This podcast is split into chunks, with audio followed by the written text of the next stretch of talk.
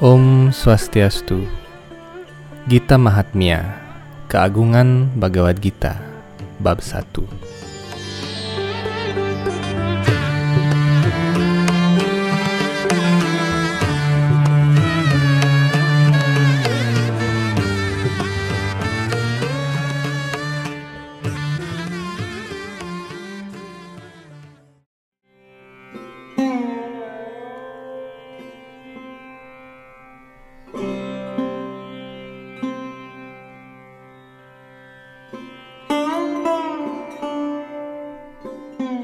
Dewi Parwati berkata, Suamiku yang baik hati, engkau mengetahui semua kebenaran rohani, dan atas karuniamu, hamba telah mendengar tentang keagungan-keagungan Tuhan Sri Krishna. Wahai Tuanku, sekarang hamba ingin mendengar darimu keagungan Srimad Bhagavad Gita yang disabdakan langsung oleh Tuhan Sri Krishna. Dengan mendengar sabda-sabda tersebut, bakti seseorang kepada Tuhan Sri Krishna akan bertambah. Dewa Siwa yang agung menjawab, Tuhan yang badannya berwarna gelap bagaikan awan mendung, yang wahana rohaninya adalah Raja bangsa burung, Garuda, dan yang berbaring di atas ular Anantasesa. Aku senantiasa memuja Sri Wisnu tersebut, yang keagungannya tanpa batas. Wahai istriku Parwati, suatu ketika setelah Sri Wisnu membunuh raksasa Mura, beliau berbaring tenang di atas Anantasesa. Ketika Dewi Laksmi yang memberkati segala kemujuran kepada alam semesta, bertanya kepadanya dengan hormat. Wahai Tuhan, Engkau adalah pengendali dan pemelihara seluruh alam semesta. Tetapi Engkau berbaring tidur tidak berbahagia di lautan susu ini. Apa penyebabnya? Sri Wisnu menjawab, Laksmi yang kucintai, aku tidak sedang tidur. Aku sedang mengamati betapa menakjubkannya energiku bekerja. Dengan kekuatanku yang menakjubkan dan tanpa batas inilah, aku mengendalikan segala sesuatu. Namun aku tetap terpisah darinya. Dengan mengingat kegiatan rohaniku inilah, para penyembah agung dan para yogi berusaha membebaskan diri dari roda kelahiran dan kematian dan mencapai alam rohaniku yang kekal dan bebas dari segala sifat material. Dewi Laksmi berkata, Wahai pengendali segala sesuatu di alam semesta ini, Engkau adalah tujuan meditasi para yogi agung. Tidak ada sesuatu pun yang bisa terjadi tanpa kehendakmu. Namun engkau juga terpisah dari segala sesuatu yang ada di alam ini. Engkau adalah penyebab penciptaan, pemeliharaan, dan juga peleburan seluruh alam semesta material. Mohon beritahulah hamba tentang cara kerja tenaga-tenagamu yang luar biasa menakjubkan itu, yang begitu memikat, hingga bahkan engkau sendiri pun berbaring di sini memusatkan pikiran pada tenaga-tenaga itu. Sri Wisnu menjawab, Wahai Lakshmi, cara kerja berbagai jenis tenagaku, cara bagaimana menjadi bebas dari ikatan kelahiran dan kematian, dan mencapai alam kekal milikku, hanya dapat dimengerti oleh orang yang memiliki kecerdasan murni, yang memiliki kecenderungan untuk mempersembahkan pelayanan kepadaku. Pengetahuan rohani ini dijelaskan sepenuhnya dalam keagungan Bhagavad Gita. Dewi Laksmi bertanya, Tuhanku tercinta, jika engkau sendiri takjub melihat cara kerja tenaga-tenagamu itu, dan terus berusaha mengukur batas-batas tenaga tersebut, bagaimana mungkin Bhagavad Gita dapat menjelaskan tenaga-tenagamu yang tanpa batas itu, dan cara menyeberanginya untuk mencapai alam rohani? Sri Wisnu menjawab, Aku sendiri telah memanifestasikan diri dalam wujud Bhagavad Gita Mengertilah bahwa lima bab yang pertama adalah lima kepalaku, sepuluh bab berikutnya adalah sepuluh lenganku, dan bab enam belas adalah perutku. Dua bab terakhir adalah kaki padmaku. Dengan cara demikian, engkau hendaknya mengerti sosok rohani Bhagavad Gita sebagai wujud Tuhan sendiri. Bhagavad Gita adalah penghancur segala dosa. Orang cerdas yang setiap hari mengucapkan satu bab atau bahkan satu sloka, setengah sloka, atau setidaknya seperempat sloka akan mencapai kedudukan yang sama dengan kedudukan yang dicapai oleh Susarma. Dewi Laksmi bertanya, Siapakah Susarma itu, wahai Tuhan? Termasuk golongan manakah dia?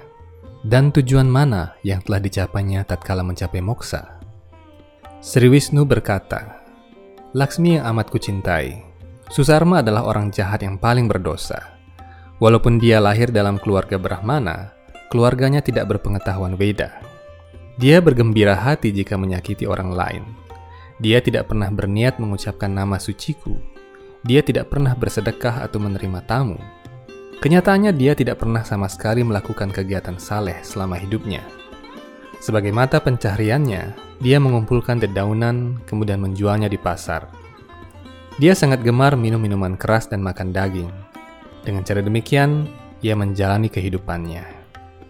Suatu hari Susarma yang bodoh itu pergi ke kebun milik seorang resi untuk mengumpulkan dedaunan. Ketika itu seekor ular datang lalu mematuknya dan dia pun mati. Setelah kematiannya, dia dilempar ke banyak jenis neraka, tempat ia menderita selama waktu yang panjang. Setelah itu ia lahir sebagai seekor sapi jantan. Sapi jantan itu dibeli oleh seseorang yang pincang, yang menggunakan sapi jantan itu untuk berbagai keperluan. Selama sekitar 7 atau 8 tahun, Susarma yang sebagai sapi jantan itu memikul beban-beban yang sangat berat. Suatu hari orang pincang itu menumpuk beban yang sangat berat di punggung sapi jantan miliknya. Dengan tergesa-gesa, dia memaksa sapi jantan itu berjalan. Tiba-tiba sapi jantan itu roboh tidak sadarkan diri. Banyak orang berkumpul di tempat itu untuk melihat apa yang sedang terjadi dan mengasihani sapi jantan itu. Ada orang saleh yang memberkati sapi jantan itu dengan hasil-hasil dari beberapa kegiatan saleh yang pernah dia lakukan. Melihat hal itu, orang lain yang berdiri di sana juga mulai mengingat-ingat kegiatan saleh yang pernah mereka lakukan, lalu mempersembahkan hasil-hasil dari beberapa kegiatan tersebut kepada sapi jantan yang malang itu. Di kerumunan orang tersebut terdapat pula seorang pelacur yang tidak tahu apakah dirinya pernah melakukan suatu kegiatan saleh atau tidak. Namun karena ia melihat semua yang lain mempersembahkan hasil-hasil kegiatan saleh mereka kepada sapi jantan yang malang itu, ia juga ikut mempersembahkan hasil dari kegiatan saleh apa pun yang mungkin telah dilakukannya. Setelah itu sapi jantan itu mati, dan rohnya dibawa ke kediaman Yamaraja, dewa kematian. Di sana Yamaraja menyampaikan kepada Susarma, Sekarang engkau telah terbebas dari reaksi semua tindakan berdosa yang telah engkau lakukan sebelumnya, dilatari oleh pahala saleh yang diberikan kepadamu oleh pelacur itu. Kemudian Susarma lahir kembali di tengah keluarga Brahmana yang berderajat tinggi. Dalam kelahiran itu, dia bisa ingat kehidupannya terdahulu. Setelah beberapa lama, ia lalu memutuskan untuk mencari pelacur itu, yang telah menjadi penyebab terbebasnya dia dari hukuman di neraka. Setelah ia menemukan perempuan itu dan memperkenalkan dirinya, ia bertanya, "Kegiatan saleh macam apa yang telah Anda lakukan, yang hasilnya telah membebaskan saya dari hukuman neraka?" Pelacur itu menjawab, Wahai Tuan, di sangkar itu terdapat seekor burung kakatua yang mengucapkan sesuatu setiap hari. Karena selalu mendengar pengucapan-pengucapan itu, hati saya pun menjadi bersih sepenuhnya. Hasil dari mendengar pengucapan-pengucapan itu telah saya berikan kepada Anda. Kemudian mereka berdua bertanya kepada burung kakatua itu tentang kata-kata yang diucapkan oleh burung itu. Sambil mengingat kehidupan masa lalunya, burung kakatua itu mulai menceritakan riwayatnya. Wahai Tuan dan Nyonya, sebelumnya aku adalah seorang Brahmana terpelajar. Tetapi akibat sikapku yang congkak, aku sering menghina orang lain yang juga terpelajar. Aku juga sangat iri hati kepada orang lain. Setelah meninggal, aku dilempar ke banyak neraka, dan setelah menderita sangat lama, aku mendapat badan sebagai burung kakatua ini. Akibat kegiatan berdosaku dalam kehidupan sebelumnya, kedua indukku mati ketika aku masih kecil. Suatu hari ketika aku terkapar di atas pasir yang panas, tanpa perlindungan dan belas kasihan, beberapa resi yang kebetulan lewat melihat diriku dan membawaku ke pasraman mereka. Aku kemudian ditempatkan di sebuah sangkar. Di tempat yang sama, anak-anak resi itu belajar mengucapkan bab satu Srimad Bhagavad Gita. Karena mendengar mereka mengulang-ulang sloka-sloka tersebut, aku pun lalu mulai mengulang-ulang mengucapkan sloka-sloka itu bersama mereka. Tak lama kemudian seorang pencuri mencuriku dari tempat itu dan menjualku kepada perempuan saleh ini. Sri Wisnu melanjutkan, dengan mengucapkan bab satu Bhagavad Gita, burung kakak tua itu telah menjadi suci murni sepenuhnya. Dengan mendengar pengucapan itu, pelacur itu pun menjadi suci murni sepenuhnya. Dengan menerima sebagian dari pahala saleh mendengarkan pengucapan Bhagavad Gita bab satu, Susarma juga turut serta menjadi suci murni sepenuhnya. setelah membahas selama beberapa saat keagungan-keagungan bab satu Bhagavad Gita, Susarma pulang ke rumahnya dan ketiganya tekun sendiri-sendiri mengucapkan bab satu Srimad Bhagavad Gita dan dengan cepat mereka kembali kepada Tuhan Yang Maha Esa. Siapa pun yang mengucapkan, mendengar, atau mempelajari bab satu Bhagavad Gita akan dengan sangat mudah menyeberangi lautan penderitaan material dan mencapai bakti atau cinta kasih rohani di kaki Padma Tuhan Sri Krishna. Demikian selesai keagungan Bhagavad Gita bab 1. Om Santi Santi Santi Om.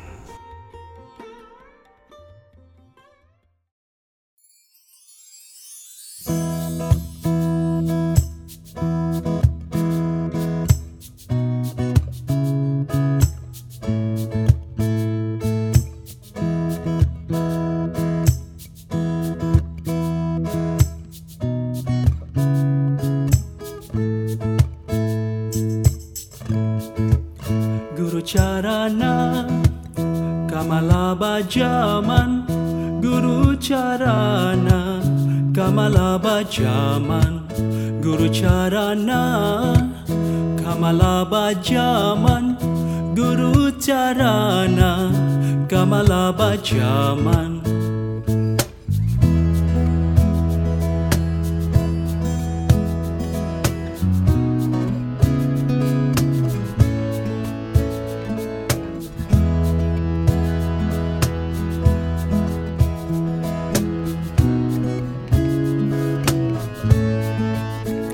carana Kamala bajaman